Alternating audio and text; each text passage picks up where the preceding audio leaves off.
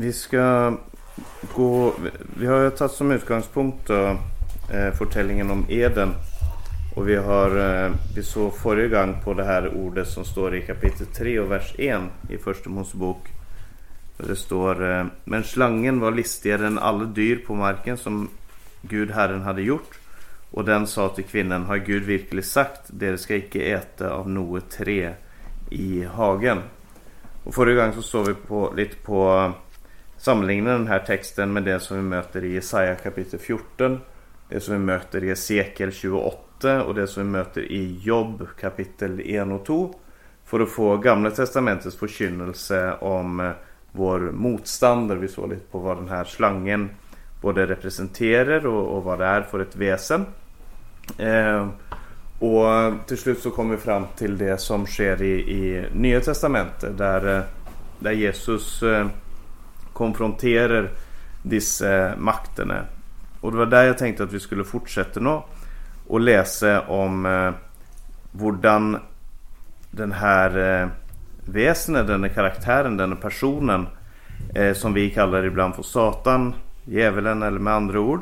Eh, hur den karaktären är beskrivet i Bibeln. Vad som är motivationen, vad som är eh, eh, var det kommer ifrån och vad som ska ske.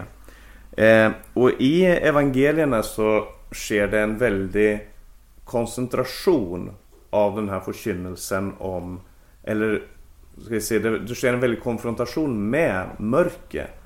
Eh, på en måte som inte är lika uppenbar i Gamla Testamentet. Eh, det, jag vet inte om du finner något sted i Gamla Testamentet att det står om demonutdrivelser. Men det sker gång på gång i berättelsen om Jesus. Eh, det är bara på någon få städer som, det, som vi ser eh, djävulen, den karaktären i Gamla Testamentet.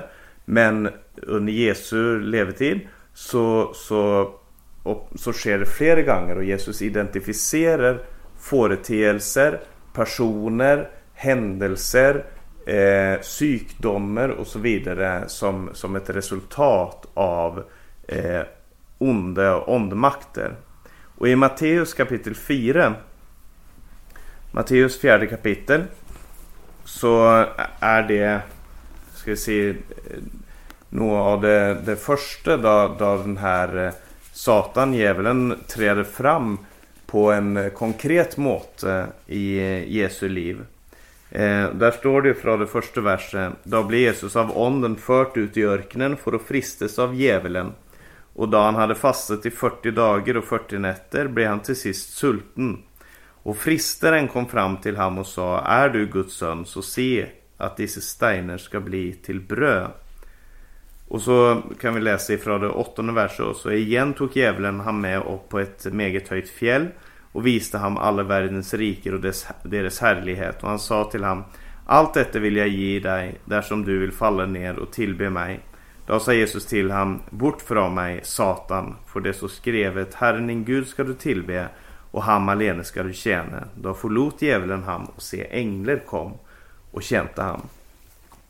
Och bara i den här texten som jag läst här så brukas tre olika ord för uh, detta väsne och det är uh, djävulen, eh, fristeren och Satan. Och Satan har jag talat om tidigare. Det är från hebraisk och betyder anklager eller, eller motstånder. Eh, det är till stor del en juridisk term eh, som handlar om eh, alltså en, en anklager i en rättssak det som vi ville kalla för en aktor. Eh, men det är också sådana som är motståndare på en eller annan måte. Sådana som, som eh, har ett annat ståsted än det du har. Det är din motståndare. Den som jobbar emot dina hänsikter. Eh, så det är eh, ordet för Satan. Det andra ordet som är brukt här det är fristeren. Och fristeren kom till ham och sa. Och det är det från det grekiska ordet periazzo som betyder eh, att frista eller att pröva eller att testa. Eh, Jesus blev fört ut i örknen för att testas av djävulen för att se vitt det var äkta denne Guds son. Och det var det han gjorde i Edens hage. Han satte den på pröve. Vi ska komma tillbaka till det när vi ska tala om, om dessa två träden, livets trä och träet till kunskap om gott och ont. Men eh, för det att där blir det tydligare det här om, om prövelsen, fristelsen och testen. Eh, men jag vill bara konstatera här att eh, det vi möter i evangelierna det är att den här fristeren, eh, förföraren, säger någon eh, översättelser, gör sitt allra bästa för att dra, eh, för att, ja, för att säga det över Jesus. För att göra mot eh, den sista Adam det han gjorde mot den första Adam. För att göra mot det andra människan det han gjorde mot det första människan. Och eh, han går till den här kampen. Eh, men vi ska, vi ska inte se närmare på den nåd. Det får vi komma tillbaka till senare. Men vi ska gå till Lukas evangelium. Det trettonde kapitlet. För att se lite grann hur den här kampen tog sig uttryck i eh, Jesu liv. Och där är det en... Kom vi in i förtällningen om en sabbat. Då Jesus eh, gick till synagogen. Och han undervisar folket där. Eh, det står i det 13 kapitlets 10 vers. Eh, en sabbat höll han på att lära folk genom synagogorna. Och se, det var en kvinna där som hade haft en vanmaktsånd i 18 år. Hon var kronböjd och kunde inte rätta sig upp. Då Jesus såg henne kallade han henne till sig och sa till henne Kvinna, du är löst från din vanmakt. Han la händerna på henne och strax rättade hon sig upp och priste Gud. Då tog synagogeföreståndaren till orde. Han var harm för det Jesus helbred på sabbaten och han sa till folket Det är sex dagar till att arbeta i. Kom därför på dem och bli helbredet och icke på sabbaten. Men Herren svarade han och sa Hycklare, löser icke vär av dere oxen eller esele från krybben på sabbaten och lejer dem ut så de får dricka. Men denne, en Abrahams dotter som Satan har bundet, tänk i 18 år, skulle icke hon bli löst av detta bond på sabbatsdagen. När han sa detta blev alla hans motståndare gjort till skamme och hela folket glädde sig över de, alla de härliga ting som skedde vid ham. Eh, här får vi beskrivet för oss en, en kvinna som är bundet. Hon är bundet av en ond, en ondsmakt som håller henne fanget och den påvirkar henne till kroppen. Hon blir, hon blir kronböjd av den här omsmakten som, som har bunnit henne. Eh, och det som sker då Jesus går till konfrontation med den här omsmakten det är att han helbreder henne, han driver ut den här onden och hon kan resa sig upp igen och hon kan prisa Gud och människor runt omkring kan prisa Gud. Så Jesus befrir eh, med det mål att det ska bli lovsang till Gud. Eh, och så, så det Jesus gör är att han går ut i kamp för, för människets alltså för människets ond, själ och lägen, För, för kroppen, för den fysiska delen, för den psykiska delen som handlar om själen och för den åndliga delen som handlar om den åndliga hälsan. Och det här Alltså läs de gånger som Jesus driver ut onda andar och människor och se hur hans ord, hans kraft eh, befri människor till ett nytt liv, till en ny tjänste. Och om man ser det här som det, det de levde under, det denna kvinnan levde under, eller det han som hade dessa många åndarna i Gergasenes område levde under, eller det många andra som, eh, som hade dessa vanmaktsånderna eller sjukdomsånderna eller vad det kunde handla om. Alla de människorna var bundet eh, av, makt, av en makt som fick sin makt i Edens hage. Det är därför som, som eh, slangens makt, som slangens gift har varit virksamt i hela mänskligheten. Det är det som har gått genom alla tider. Och det är det som Jesus bryter. Han har makt till att tala till de onda. Han går inte i kamp med dem, han går inte i clinch med dem som en brytekamp. För det är en helt ojämn kamp. Då Guds son träder in så har han makt. Han bryter djävulens bond och där kommer Guds rike. Det är det Jesus säger när de kritiserar han för att driva ut onda onder med onda onder säger vi rätt när vi säger att du är en samaritaner. Säger vi rätt när vi säger att du driver det här med onda onder. Han driver de onda onder ut och så vidare. Och Jesus säger att eh, hvis Satan driver ut Satan så kommer, han, så kommer hans rike i strid med sig själv. Men om jag driver ut de onda åndorna vid Guds makt, då har Guds rike kommit till dere. Då är Guds rike närvarande i tiden på jorden. Och det är det Jesus går runt och förkynner. Och det är Gudsrikets intrang är eh, slangens eh, exodus. Det är slangens nederlag i en världssituation. Vi kan gå till Lukas kapitel 10. Det är faktiskt Lukas han, han tar upp ganska mycket om det här. I det tionde kapitlet så står det om eh, de 70 som Jesus sände ut to och to till var by och vart sted hvor han själv skulle komma, står det i det första verset. Och han sänder dem ut och han ger dem den auktoriteten som han själv hade till att be för de psyke, till att driva ut onda onder och till att förkynna Guds rike är nå nära. Ehm, och så står och så har Jesus en samtal här och så i det 17 verset så står det att de kom tillbaka. Och så står det följande. De 70 kom tillbaka, glada tillbaka och sa Herre, till och med de onda onder avlyder oss i ditt namn. Då sa han till dem, jag så Satan faller ner från himmelen som ett lyn. Se, jag har gett er makt till att trå på slanger och skorpioner och över allt fiendens välde och ingenting skall skada dere. Men gläder icke över, att det, det, över detta att ånderna är dere lydiga, gläder heller över att namnen deras är inskrivet i himmelen.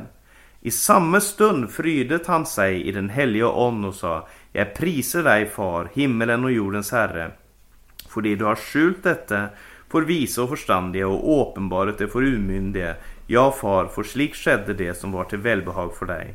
Alla ting är övergivet till mig av min far. Ingen känner till vem sonen är utan fadern och vem fadern är utan sonen och den som sonen vill uppenbara det för. Och det här är en speciell text för det att eh, Lukas evangelium handlar till väldigt stor del om den glädje som, som, eh, som eh, gör sitt in, eh, intåg i världen. Det är det som sker i Lukas, eh, i begynnelsen av Lukas där det står eh, eh, om de änglarna som kom till Hyrne ute på marken. Och de sa, vi bringer dere en stor glädje för idag är en frälser fött i Davids stad. Så den här glädjen, det är ett tema som du kan följa genom hela Lukas. Helt till slutet där det står, de väntar glada tillbaka. De har mött den uppståndne frälsaren och de glädet sig i den uppståndne frälsaren. Men här så, så är nog en gång den här glädjen och det, det, här är glädjen den att onde onder må ge vika. De, de, de försvinner fordi vi talar till dem i Jesu namn. Eh, det är glada nyheter, det är evangelium, vi har makt över denna styrka som har dominerat mänskligheten i många tusen år som har dominerat selv den godaste, snilleste, vänligaste, mest uppriktiga, mest gudfruktiga människa. Likväl så har slangens bitt varit där och gjort det omöjligt för människor att göra sig fri. Men nu finns det en makt.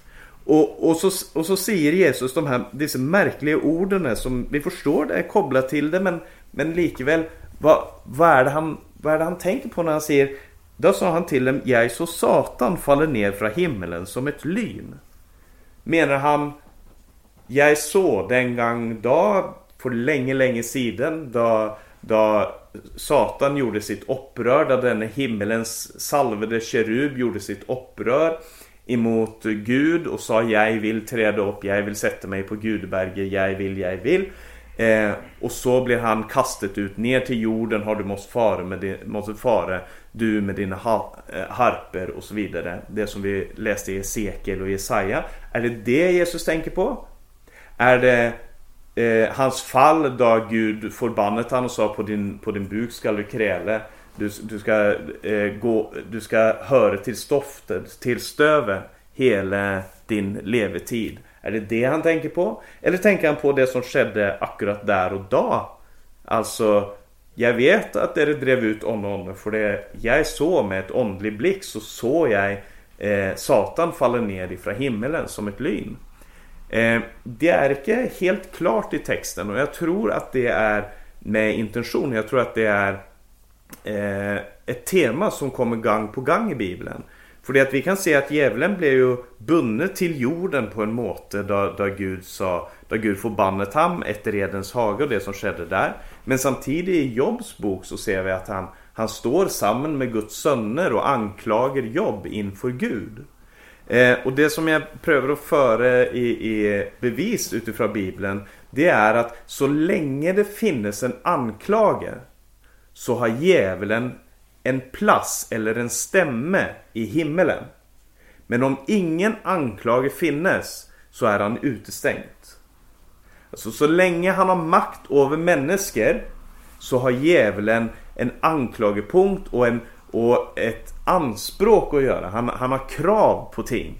Eh, men där onden blir drevet ut, där människor blir satt fri, där har han ingenting att göra längre och därför så blir han kastet ut. Det är en pågående process i ett vart människes liv och, och, där Guds rike går fram.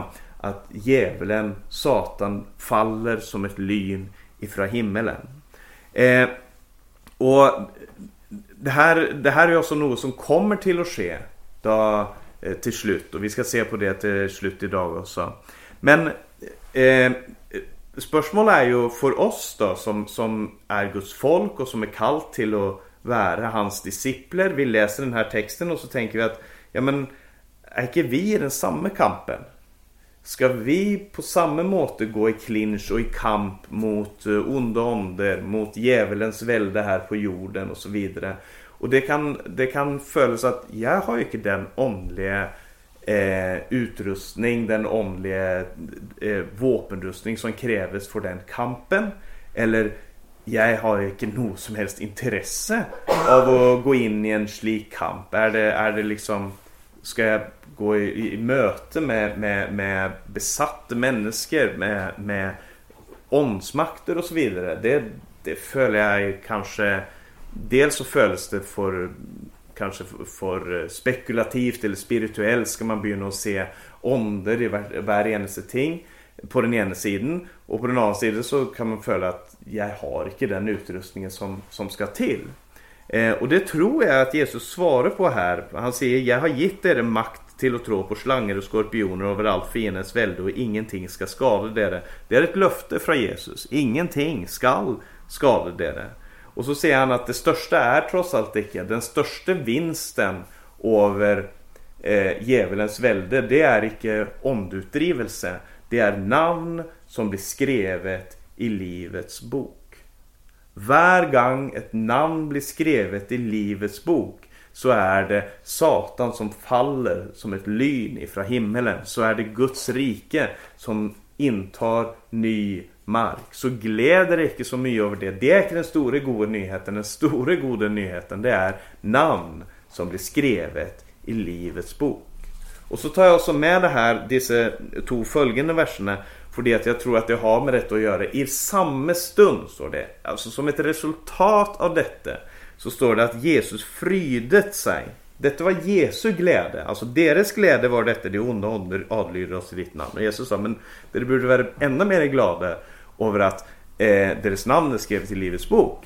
Men så kommer Jesu egen fryd. Og den gleden, det er at Gud har skjult dette for de vise og forstandige og åpenbaret det for umyndige. Eller for de små. For de enkle. Alltså Som Jesus säger då de, då, han går in i Jerusalem och de säger Se till dina discipler att de slutar och, och ropa så Han säger, Har du icke läst av barns och spädbarns mun har du upprättat ett lov för dig. Det är motståndet emot djävulen. Det är kampen mot djävulen, dessa små som priser ham. De det de umyndiga som stoler på Gud. De, de eh, eh, ska vi se, eh, eh nästan eh, ja, uforstandige, enkla, De, det, det som inte har eh, någon plats i denna världen, men som i all sin enkelhet ger sin lov till Gud. Det är det som vinner seger och vi är väl en.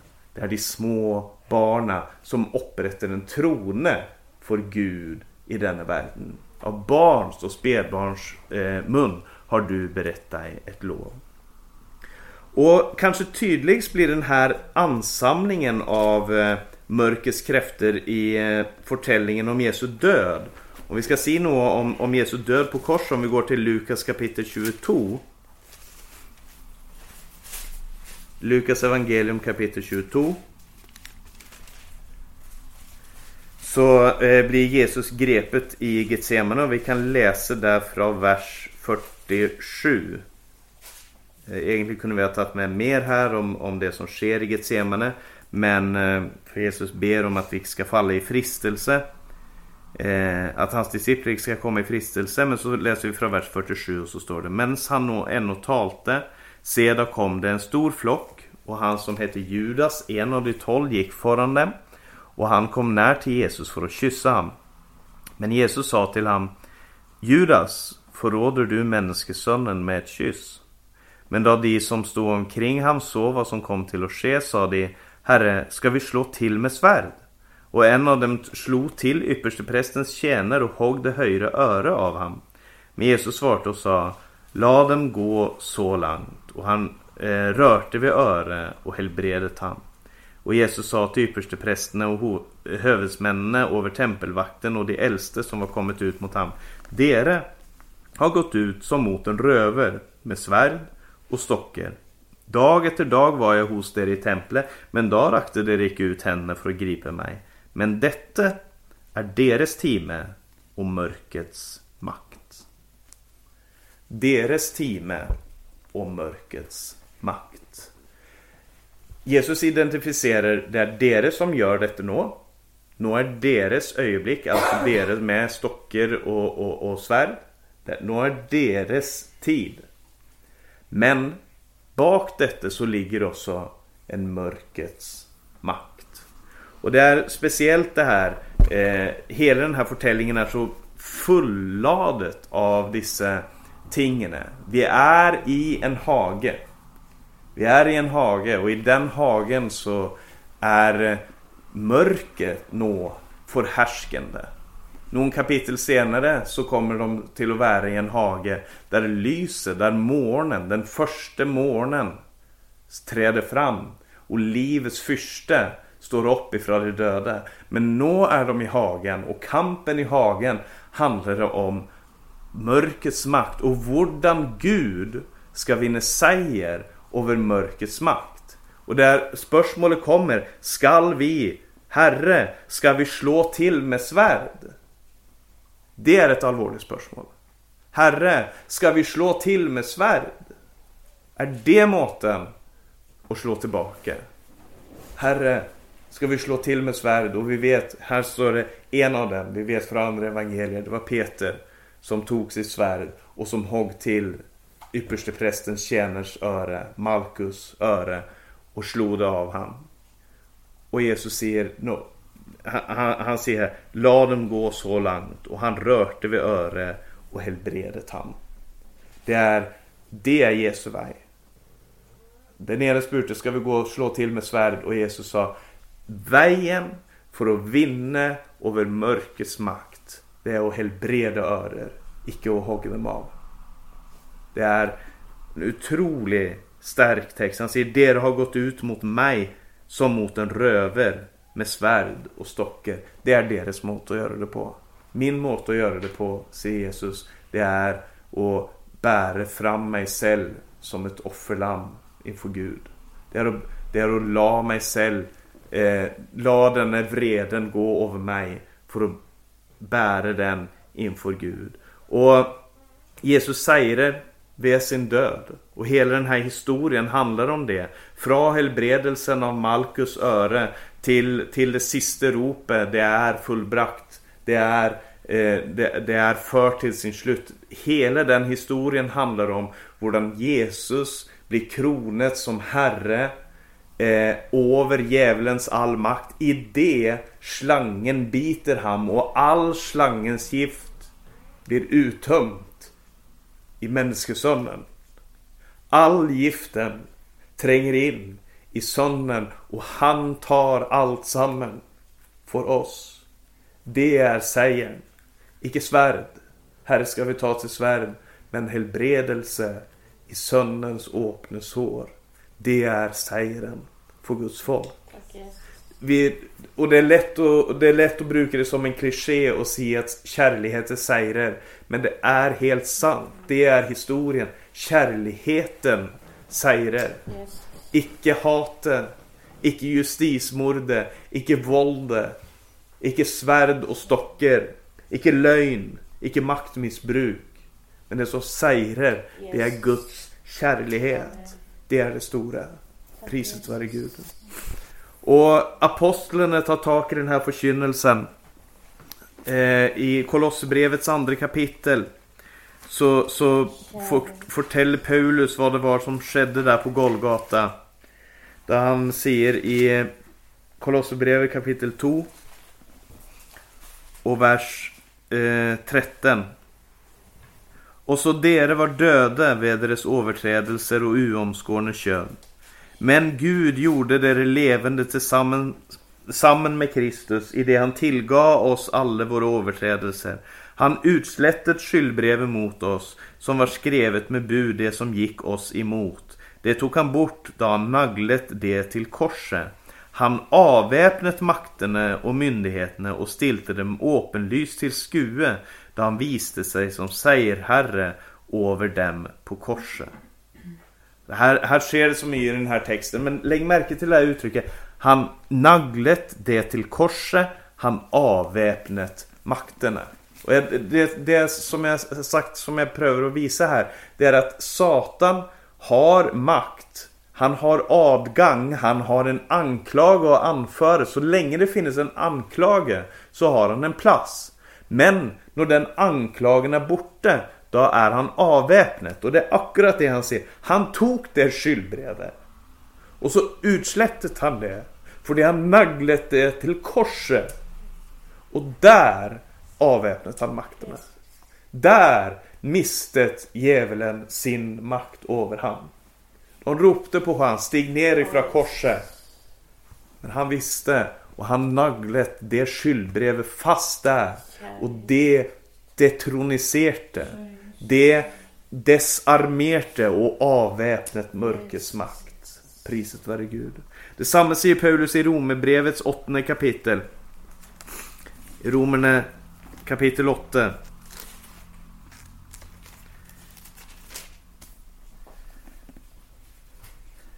I den första versen så säger han, så är det då ingen fördömelse för dem som är i Kristus Jesus. För livets ons lov har i Kristus Jesus frigjort mig från syndens och dödens lov.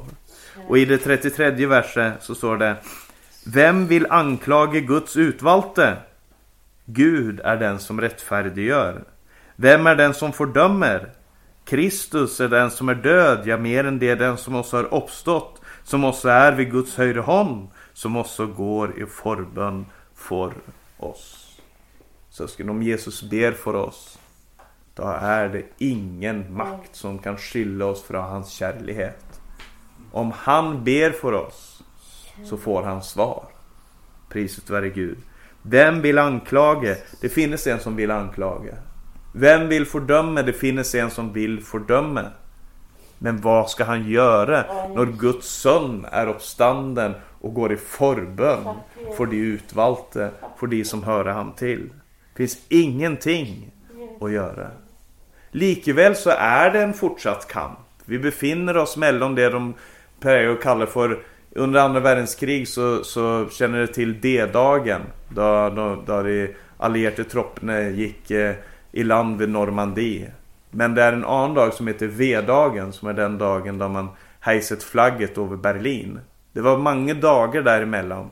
Och man levde, man vann, gick emot en seger men kampen var fortsatt där. Och vi lever mellan korsets D-dag och Jesu genkomsts V-dag.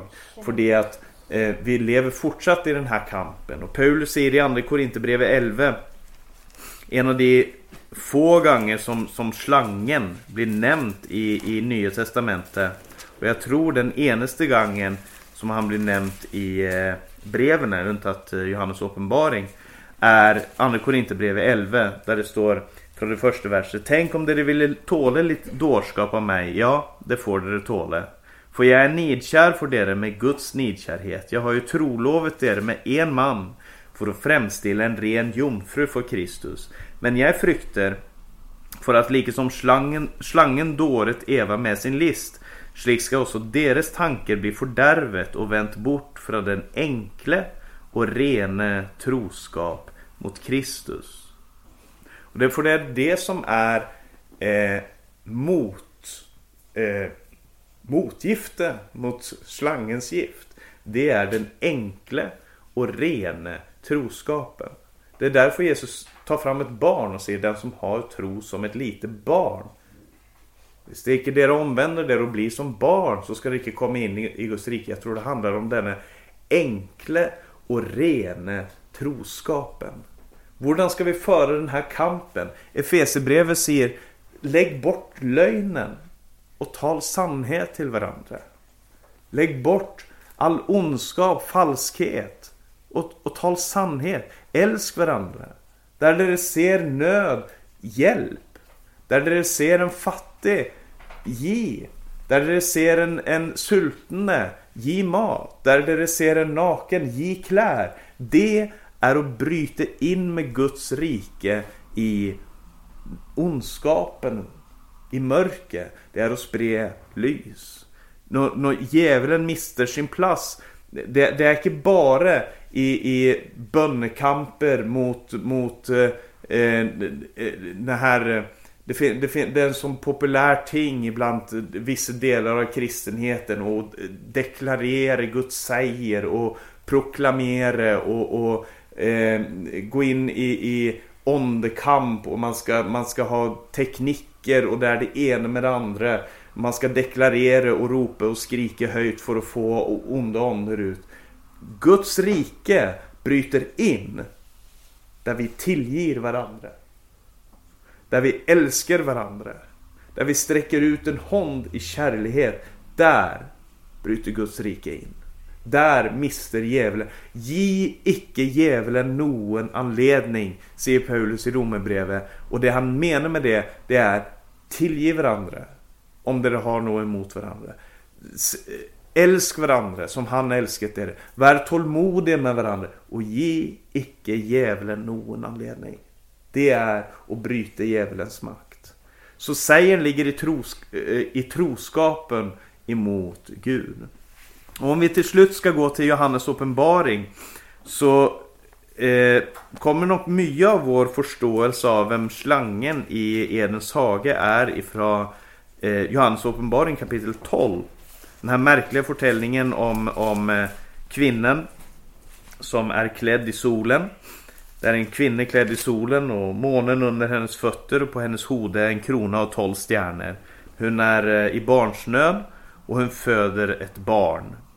Eh, och det står i det tredje verset och ett annat tegn, det är Johannes kapitel 12 och ett annat tegn blir sett i himlen och se en stor illröd drage som hade sju hoder och tio horn och på sina hoder 7 kronor. Och ställer man sig ju sällsagt spörsmålet, vem är kvinnan? Vem är barnet? Vem är dragen? Och så vidare. Och vi ska inte gå in på att tala om, om kvinnan och hennes barn. Men det står om, eh, om eh, eh, dragen eh, i det nionde verset. Det, det står att eh, ärkeängeln Mikael går ut i kamp emot ham. Eh, och i det nionde verset så står det Den store drage blev kastet ned. Jag tror vi tar med åttonde versen också för det är viktigt. Eh, koppling till det vi talat om tidigare.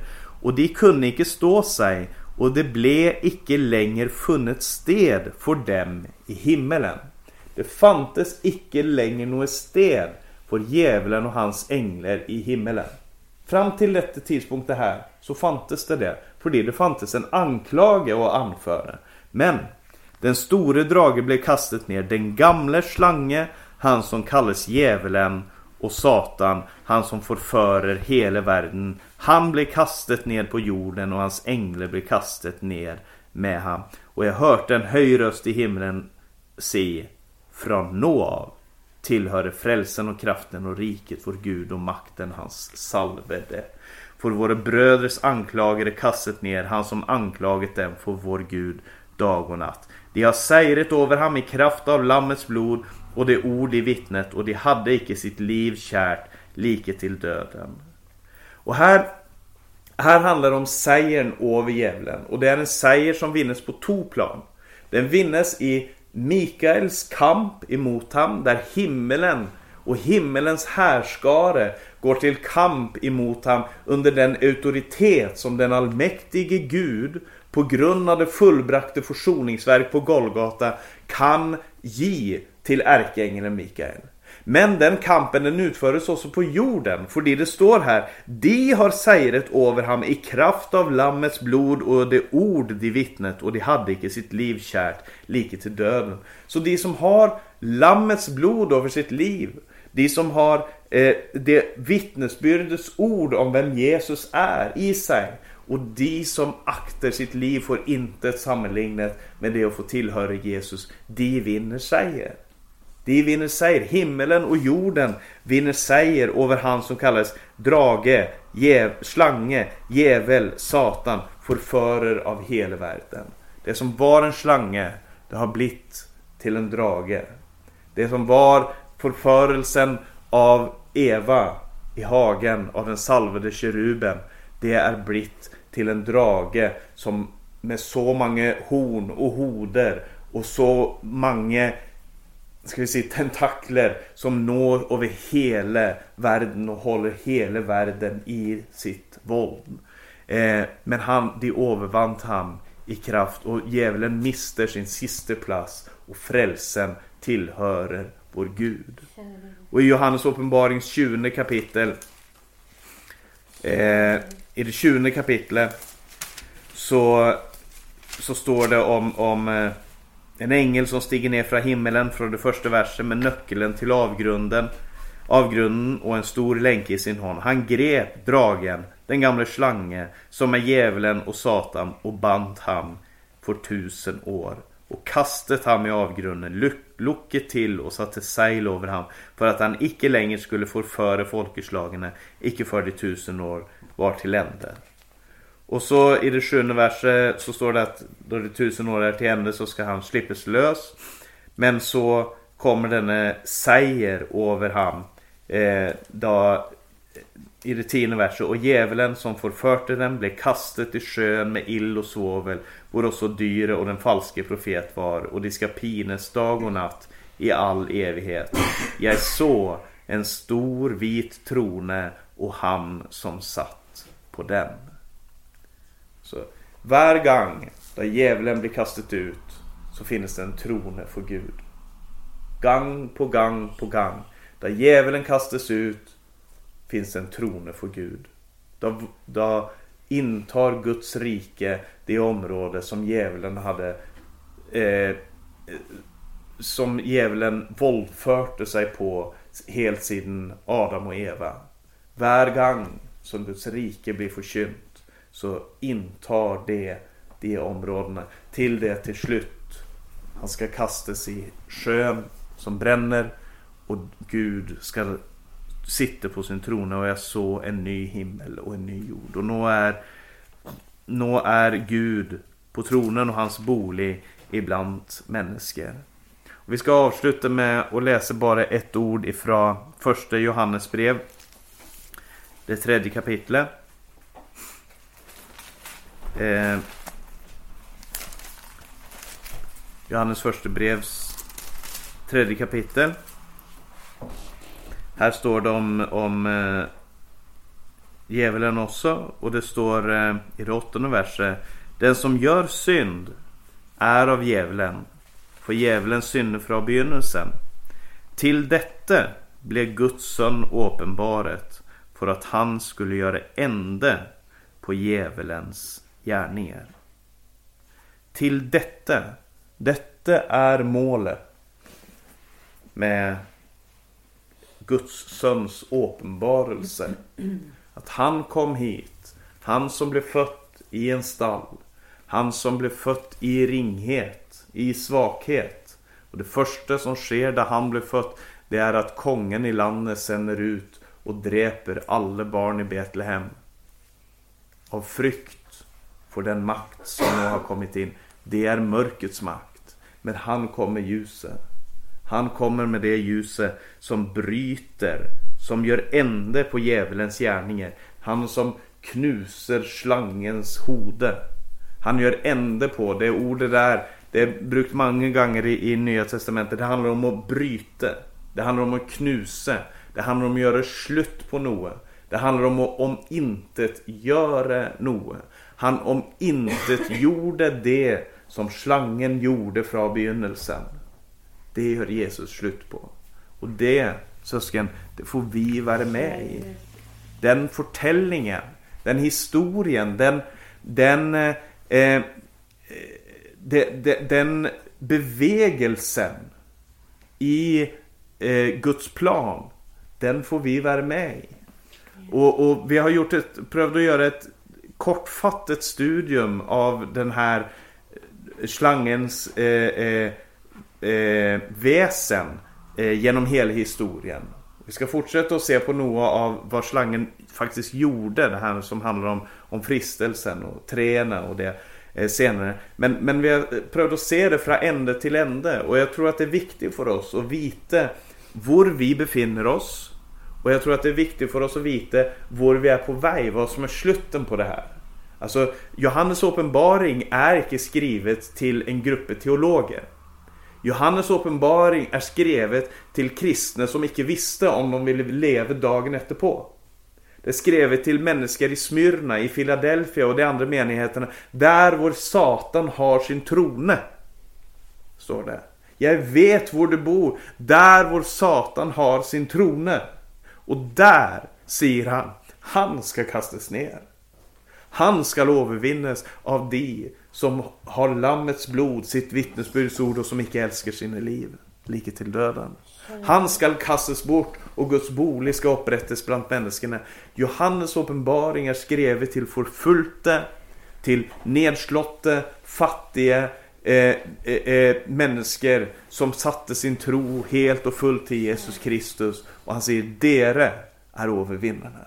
Dere ska vinna seger över honom. Och det, där får vi vara med och lära känna vår fiende och få lära känna Jesu Kristi seger. Hurdan Jesus vann seger över han. Och beväpna oss med det samma sin. Det sin som var i Kristus Jesus då han vann seger. Det sin det får oss att vara i oss där vi ska vinna seger för han. Vi lägger fram detta som bönämne för oss själva, för vår framtid, för våra liv. Gud ge oss att vi förstår och identifiera, utfordra och övervinna eh, mörkrets gärningar på den måte som Jesus själv gjorde. I Jesu namn. Amen. Jag tackar och prisar dig Fader i Jesu namn. Tackar dig Herre för din evige seger. Uppenbaret vid din son Jesus Kristus. Tack för att du kom Jesus för att omintetgöra djävulens gärningar. Herre hjälp oss att eh, icke bli förfört, icke bli ledet bort, icke bli eh, Herre Jesus förförts liksom Eva blev förfört Herre. Men att vi ska eh, stå emot, att vi ska ha kraft och att vi ska ha barnets tillit till dig. Att vi ska ha seger i vår lovsang, i ditt eget blod Herre, i vårt vittnesbyrd. Herre jag lovar och prisar och tackar dig. Herre, vi ber dig att vi ska få ett sunt och balanserat syn på dessa tingene, Herre. Att vi ska förstå vad som är motståndet i denna tiden och att vi också ska förstå hur vi kämpar emot detta, Herre.